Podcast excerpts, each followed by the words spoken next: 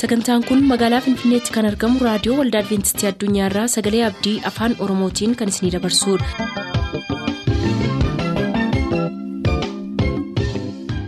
nagaan waaqayyoo isiniif haa ta'u hordoftoota sagantaa keenyaa akkam jirtu bakka jirtan hundaatti ayyaanni waaqayyoo isiniif haa baay'atu jechaa sagantaa keenyaarraa jalatti kan nuti qabannee isiniif dhiyaanu sagantaa fayyaaf sagalee waaqayyooti jalqabatti sagantaa fayyaatii ittiin eebbifama.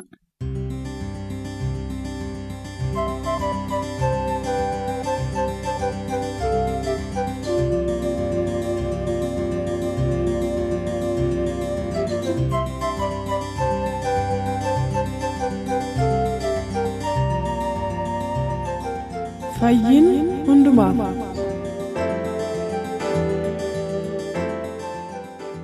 Probably it would not be damaging to a person to eat five mangoes. But again, you want balance. We don't want too much orange. You want to have many different kinds of colors. Nyaatonni nuyi nyaannu kun gara nyaata ittisaa irratti yeroo hundumaa qaama keenyaaf madaalamaa kan ta'eef nyaata keenyaaf kan barbaachisu nyaachuudha maleessaati baay'ina isaa irratti kan hundaa'u miti fakkeenyaaf burtukaanii shan guyyaa guyyaatti akka kanatti nyaachuutu hin taane madaalamaa kan ta'e yookiis qaama keenyaaf barbaachisaadha jennee kan yaadnu akka madaalli isaatiitti nyaachuudha. It is not a good idea to eat too much of any food, even protection foods. Nyaatuma hundumaa keessatti wanti nuyi hubachuu qabnu nyaata hundumaa yookiis nyaatuma hunduma isaa baay'inaan qaama keenya olitti nyaachuuni yaada gaarii miti. There is a word in English we say moderation, moderation in everything. Gara afaan Ingiliffaatti kan nuyi moderation jennu yookiis giddugaleessummaan jireenya keenyaaf barbaachisaadha wanta nyaannu hundumaa keessatti murteessinee nyaachuun hammasaa. If a person wants a guide for how much of food to eat, we make a, we say take one plate, half the plate should be energy food such as injera. Fakkeenyaaf namni tokko yeroo dhiyeeffatu nyaata mana isaa keessatti saayinii tokko guutuusa walakkaan nyaata sanaa nyaata annisaa kennu ta'utu irra jira jedhee murteessutu irra jira. And then you take one quarter of the plate and it should be growing food such as shiro or lentils. Walakkaan nyaata sanaa immoo shiroo akkuma kana nuusi nyaata sanaa immoo akkuma kana nyaata misiraaf akkuma kanas warra akka shiroofaa ta'uu qaba nyaata qaama isaatiif ijaarsa kennanii. And then there is one quarter of the plate left, and that should be filled with fruits or vegetables, such that we talked about that are protection foods. Nuusi nyaata sanaa immoo nyaata qaama keenya ittisa yookiis nyaata ittisaa kan ta'an kanneen akka kuduraalee fi muduraalee ta'utu irra jira. So half the plate is energy food, one quarter protection, one quarter growing. Kanaaf namni tokko egaa nyaata saayinii tokko dhiyeeffatee nyaate sana keessatti walakkaan isaa nyaata annisaa kennu yoo ta'e nuusi isaa nyaata ijaarsaa yookiin nyaata guddinaa yoo ta'e nuusi isaa immoo nyaata ittisaa ta'utu irra jira jechuudha. And there's one more thing that I want to talk about with the protection food. Many times people cook food for a long time here. Asirratti waa'ee nyaata ittisaa irratti kan hin dubbachuu barbaadu namoonni yeroo ittoo manatti qopheeffatan yeroo dheeraadhaaf tursanii bilcheessu. A person who is eating protection foods must be careful that their food is clean so they do not get sick. Kan barbaachisaa ta'e garuu namni tokko nyaata ittisaa yeroo nyaatu sirriitti qulqullina isaa eeguudha malee sirriitti bilcheessu miti. But foods that are not cooked many times have more vitamins than foods that are cooked for a long time. Nyaata yeroo dheeraadhaaf abiddarra ture baay'ee bilchaate caalmaa nyaanni hin bilchaatiniif nyaanni dheedhiin sirriitti qulqulluu ta'e vaayitaaminootaa fi nyaata qaama keenyaaf barbaachisoo ta'an kaalorii hedduu of keessaa qaba. So when you cook your vegetables, you should try to cook them only until they are soft, no more. Kanaaf egaa wanti nuyi hubachuu qabnu nyaatota nyaannu hundumaa kana yeroo qopheeffannee nyaachuuf jennu baay'ee abiddarra tursinee bilcheessuutu hin taane hamma inni xinnoo lallaafu qofatti abiddarra tursinee bilcheessuun nurra jira. Protection food for too long may kill the vitamins. Nyaata ittisaa yeroo baay'eedhaaf abiddarra tursinee bilcheessuun vaayitaaminoota keessa jiran ajjeesuudha. And most people do not cook fruit, so this is not a problem. Namoonni baay'een isaanii yeroo nyaata nyaatan hin bilcheessani kun immoo rakkina miti. Do you have any more questions for me? Yes, again, I have another question. Just you've said that uh, from one peanut half must be energy food and uh, one quarter must be growing foods and uh, the remaining quarter one quarter is protection food do you think it has problem if we mix them and uh, or it has order. Can we eat protection foods first? Say for fruits first and then come to energy food and like that. Gaaffii kan biraan qabu akka amma ibsitanitti nyaata saayinii tokko yoo dhiyeeffanne walakkaansaa nyaata annisaa kennu yoo ta'e nuusisaa immoo nyaata ijaarsaa yookiis nyaata guddinaa yoo ta'e nuusisaa immoo akkuma kana nyaata ittisaa yoo ta'e jettan. Kanaaf kanarratti gaaffiin qabu ofii kooti yoo dura nyaata ijaarsaa nyaannee ittaansinee immoo nyaata annisaa kennu nyaannee ittaansuudhaan immoo nyaata ittisaa nyaannee rakkina qaba. It's a good question. I think there is no problem to mix these foods. They will mix in your stomach. Gaaffii gaariidha. Nyaatota kana yoo walitti daballee nyaanne waan tokko rakkina hin qabu. Garaacha keenya keessatti walitti dabalama yoo adda addaan baasnee nyaannesi. When I say to do half a plate and a quarter of plate, this is simply to guide about how much of each type of food you should eat. Yeroon akka kanatti gosa gosaan nuusa jedhee walakkaa jedhee adda adda baasee isinitti dubbadhe akkuma kanatti yeroo hundaa dhiyaachuu qabaa utuu hin taane qaama keenyaaf wantoota barbaachisaa ta'an kana hamma isaanii fi fakkeenyaaf isiniif ibsuu kooti. As far as I know, there is no reason to eat one type of food before another. Nyaata baay'ee isaanii dursinee yoo nyaanne jenne gosa ittaan immoo ittaansinee yoo nyaanne jenne rakkina uumsuu hin qabu.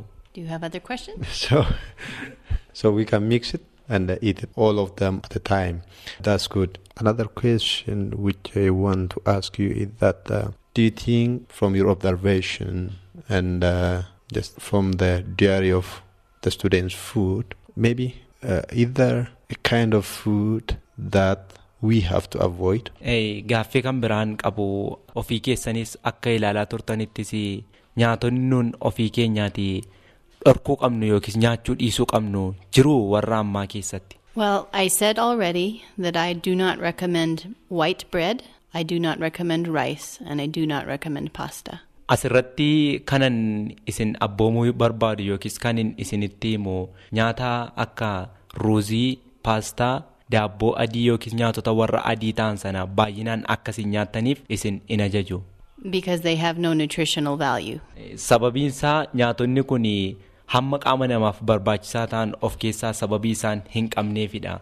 There are a couple of other foods that I see that are used very much in this region that are maybe damaging to health. Akkuma jalqaba isiniif ibsuu yaale nyaatonni baay'een as keessatti argamanii fayyummaa keenya warroota miidhuu danda'anidha. I see that the people many times here in this area they use lots of butter and also oil. Eh, Naannoon keessa jiraachaa jiru kana keessatti akkan ilaaletti namoonni baay'een isaanii harki caalu dhadhaa baay'inaan warra fayyadamanii fi zayitii baay'inaan nyaata isaaniitti dabalanii warra fayyadamanidha. Now everybody knows shiro is better with butter. Namni hundumtuu beekaa shiroodhaa fi dhadhaan baay'ee walitti hin minyaa jechuudha kunis. Baye baye garida. but butter and oil, too much butter and oil is damaging to the body. Garuu zayitiidhaa fi dhadhaa baay'isanii nyaachuun qaama namaa kan miidhuuf fayyummaa namaa kan balleessudha. It can cause trouble in the heart. Kunis onneen keenya akka inni jeeqamu taasisa. It's delicious, but it's not a good idea to eat lots. Nyaatota baay'ee mi'aawoo ta'anis baay'ee ofitti baay'ifnee nyaachuun barbaachisaa miti qaama keenyaafi.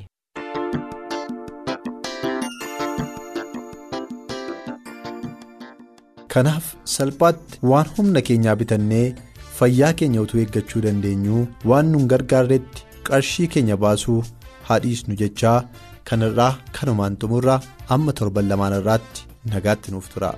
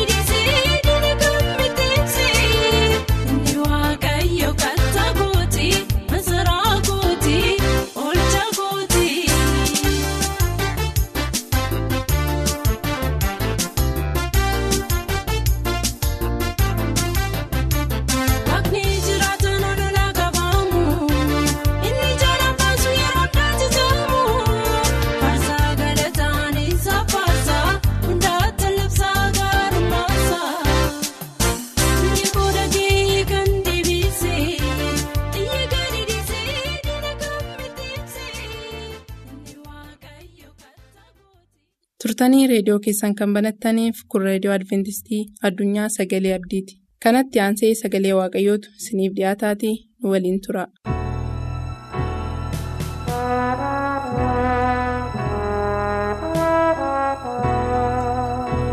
akkam jirtu kabajamoota dhaggeeffatoota keenya. Filiphiyus boqonnaa afur lakkoofsa ja'aaf torbarra homaa yaaddoo hin qabaatinaa gaa'edha waa'ee rakkina biyya lafaa kanaatii fi homaa yaaddoo hin qabaatinaa waammataaf kadhataan galataa wajjin fedha keessan waaqa duratti mul'isaa malee waama tokkootiif kummaa kana ta'e kummaa sana ta'e maaliif dhiphina irra ga'e akka hin yaaddomne waaqayyotti abdii qabaachuu jireenya keenya isatti kennachuu fuula isaa duratti kan isa gaafannu deebii gaarii argachuuf egaa waaqa keenyaa isa hundumaa danda'u isa gaafachuutu nurra jira jechuudha. lakkoofsa torbarraati filiphiyus afur torbarraa qalbii hundumaarra kan caalu nagaan waaqayyoo garaa keessan yaada keessan ayeegu yesus kiristoos gooftaatti gaa'edha hundumaarra kan caalu nagaa waaqayyoo anis kan yeroo kan isiniif hawwu hawwiin koos kadhannaan koos gurri dubbii waaqayyoo dhaga'u kun hundumtinuu nagaa gaarii akka qabaattan fayyaa akka qabaattan kiristoositti gammachuu akka qabaattan hundumaarra kan caalus immoo mootummaa waaqayyoof akka qophooftaniif egaa hawwii kootiif. Kadhannaa kooti. Anis isiniif hunduma keessaniif. Isinis egaa kana akka argattaniif waaqa keessanitti abdii qabaadhaa filiphiyus boqonnaa tokko lakkoofsa 29 irratti. Jireenya amantii keessatti deebinee yeroo laallu yeroo hundumaa gammachuu duwwaa miti kan kiristaanii qabaachuun irra jiru. Namni gara waaqayyootti dhiyaachuun irra jiru yeroo tokko tokko rakkinni jira. Rakkina kanaa har'a shaakallee keessa darbuuf mootummaa waaqayyoof qophaa'uudhaa fi biyyuma lafaa kana irratti jalqabamaa jechuudha. Kanaaf filiphiyus tokko 29 irratti. Isinii ayyaanni kun kennameera. Kiristoosiin amanuu duwwaa miteedha isaaf dhiphachuun immoo isinii wayya malee jedhe. Kiristoosiin amanachuu duwwaa utuu hin ta'in dhiphachuun rakkachuun beelachuun jiraachuu hin danda'a. Kanaatiif egaa isa kana keessatti abdii akka itti qabaannudha iyyoo biyyuu fakkeenya gaarii kan nu ta'e seenaa macaafa qulqulluu kana keessatti hundumaarra kan caalu fakkeenya guddaa qaba. Rakkinni baay'een isarra ga'eera. Biyya lafaa kana keessatti yeroo ture iyyoobi nama durattis waaqa duratti nama jaallatamaa ture. Rakkinni guddaan isarra ga'eera garuu. Iyyoob rakkinni kun isarra ga'eeyyuu maal jedha? Mee nannee ilaalla iyyoob boqonnaa ja'a lakkoofsa kudhan irratti dhukkuba koo keessatti illee jajjabeenya kootiif gammachuu koo ture. Waaqayyo yoo naa'uu dhaabaate illee ani takka dubbiisaa isa qulqulluu kana hin gatu waaqayyoof galanna ta'u. Kanaaf inni jajjabina gaarii akka ta'u yommuu amanate iyyoob ismaa'eel. Dhukkuba koo irratti illee waaqi koo jajjabeenya kooti. Gammachuu koo tureedha. Waaqayyoo na gargaaruudhaa baateeyyuu ani takkaa isa hin gatu isa qulqulluu dubbisaa kanaa jedhe gara lakkoofsa galiitti deebinee utuu ilaalleeti utuu jaallatees immoo utuu jaallatees immoo waan barbaade gochuu hin danda'a jiraachisuu hin danda'a kennuu hin danda'a. Kana waan beekuuf iyyoo beegaa dhukkuba koo irratti waaxi koo jajjabeenya koof gammachuu koo turee jedhe nuyis egaa yeroo rakkina keenyaatti akkas akka jennu waaqayyo nu gargaaru. Iyyoo boqonnaa lama lakkoofsa kudhan achumaa seexanni karaa garaagaraa iyyoo biratti qorumsa gurguddaa fideera rakkina baay'eetti fideera kan ammas kan ilaallu maa inni iyyoo boqonnaa lama lakkoofsa torbaa hamma kudhaniitti yoo dubbiftan baay'eetti waa'ee kanaa caalchisee hubannaa nuu kennu hin jira. Muddamni baay'een rakkinni baay'een akka jiru qorumsi baay'een akka dhufu hin dubbata. Kanumaaf iyyuu immoo ganuyi waaqayyotti jajjabina akka qabaannu nu gorsa. Iyyoo boqonnaa. Kudha lama lakkoofsa kudhan irraatii ni ilaallaa torbarraasii saddeetirraasii. Isaan kun egaa maal akka godhe? Seexanni fuula waaqayyo duratti ba'ee iyyoobiin madaa guddaa akka inni isa rukutee foon isaatii jalqabee mataa isaatii kaasee hamma gubbeessaa hundumaatti rakkina guddaan akka isa qabateedha nan dubbisaa. Seexanni fuula waaqayyoo duraa ba'ee iyyoobiinis madaa hamaa isaatiin rukutee faana isaatii jalqabee hamma gubbee isaatiitti lakkoofsa saddeetii qiraaciis fudhatee. Innis of soqee daaraa keessas taa'ee jedha asirratti egaa kan nu ilaallu inni cimaan inni guddaan iyyoob rakkina kana keessa har'a namni iyyoob illee daaraa keessa taa'ee qiraacii fuudhee hooqee yommuu akkana kana jedhu maqaa waaqayyo tokko illee hin ammeessine hin ganne har'a nuyi garuu waan xinnoo ishee obsuu hin dandeenyu waan xinnoo ishee irra darbuu hin dandeenyu kanaatiif iyyoob rakkina keessatti amman akka jabaate nuyis abdii akka qabaannu. Nu gorsaa nu jabeessaa kanaaf rakkina keenya keessatti waaqayyoon akka hin gaddisiifne waaqarratti samaa akka hin guungumne guungummiin ijoollee israa'eliin booddeetti isaan hambise waanta ta'eef jajjabaachuutu nurra jira lakkoofsa sagal irratti niitiin isaa isaati manaasaa amanamtuun kan waaqayyo isaa kenneyyuu gara jireenya isaa keessatti waan guddaa dubbatte waan baay'ee ittiin jette kana keessatti kan nu ilaallu immoo caalaatti maayini. Amma inni waaqayyoon ganee du'uutti hamma darajaa kana yookaas immoo gulantaa kanarraan ga'uu isatti dubbatteetti isa gansiisuu dhufteetti isa xuxxuxxeetti. Innis kan inni jedhe nan dubbisaa niitiin isaas jetteen hamma ammamitti ati guutuu taata? Qabamtee jiraattas waaqa kee ganii du'ii jette. Inni akka waaqa dhiisuuf inni abdiisaa akka kutatu ture. Garuu iyyoobe kana hundumaatti waaqarraa akka hin deebine akka inni jajjabaate. Itti fufeesiyyuu kan dubbate lakkoofsa kudhan irratti jedheenis.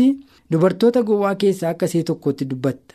Waaqayyo biraayis gaarummaa isaa arganne gidiraas immoo hirmaachuutu nurra hin jiruuree jedhe. Waaqa biraatii gaarummaas hin arganne rakkina gidiraas hirmaachuu nurra hin jiruuree kana fudhachuu nurra hin jiruuree jedhe. Iyyoo arraba isaatiin yakkaa tokko hin dubbanne. Iyyoo waaqa hamaa tokko hin dubbanne.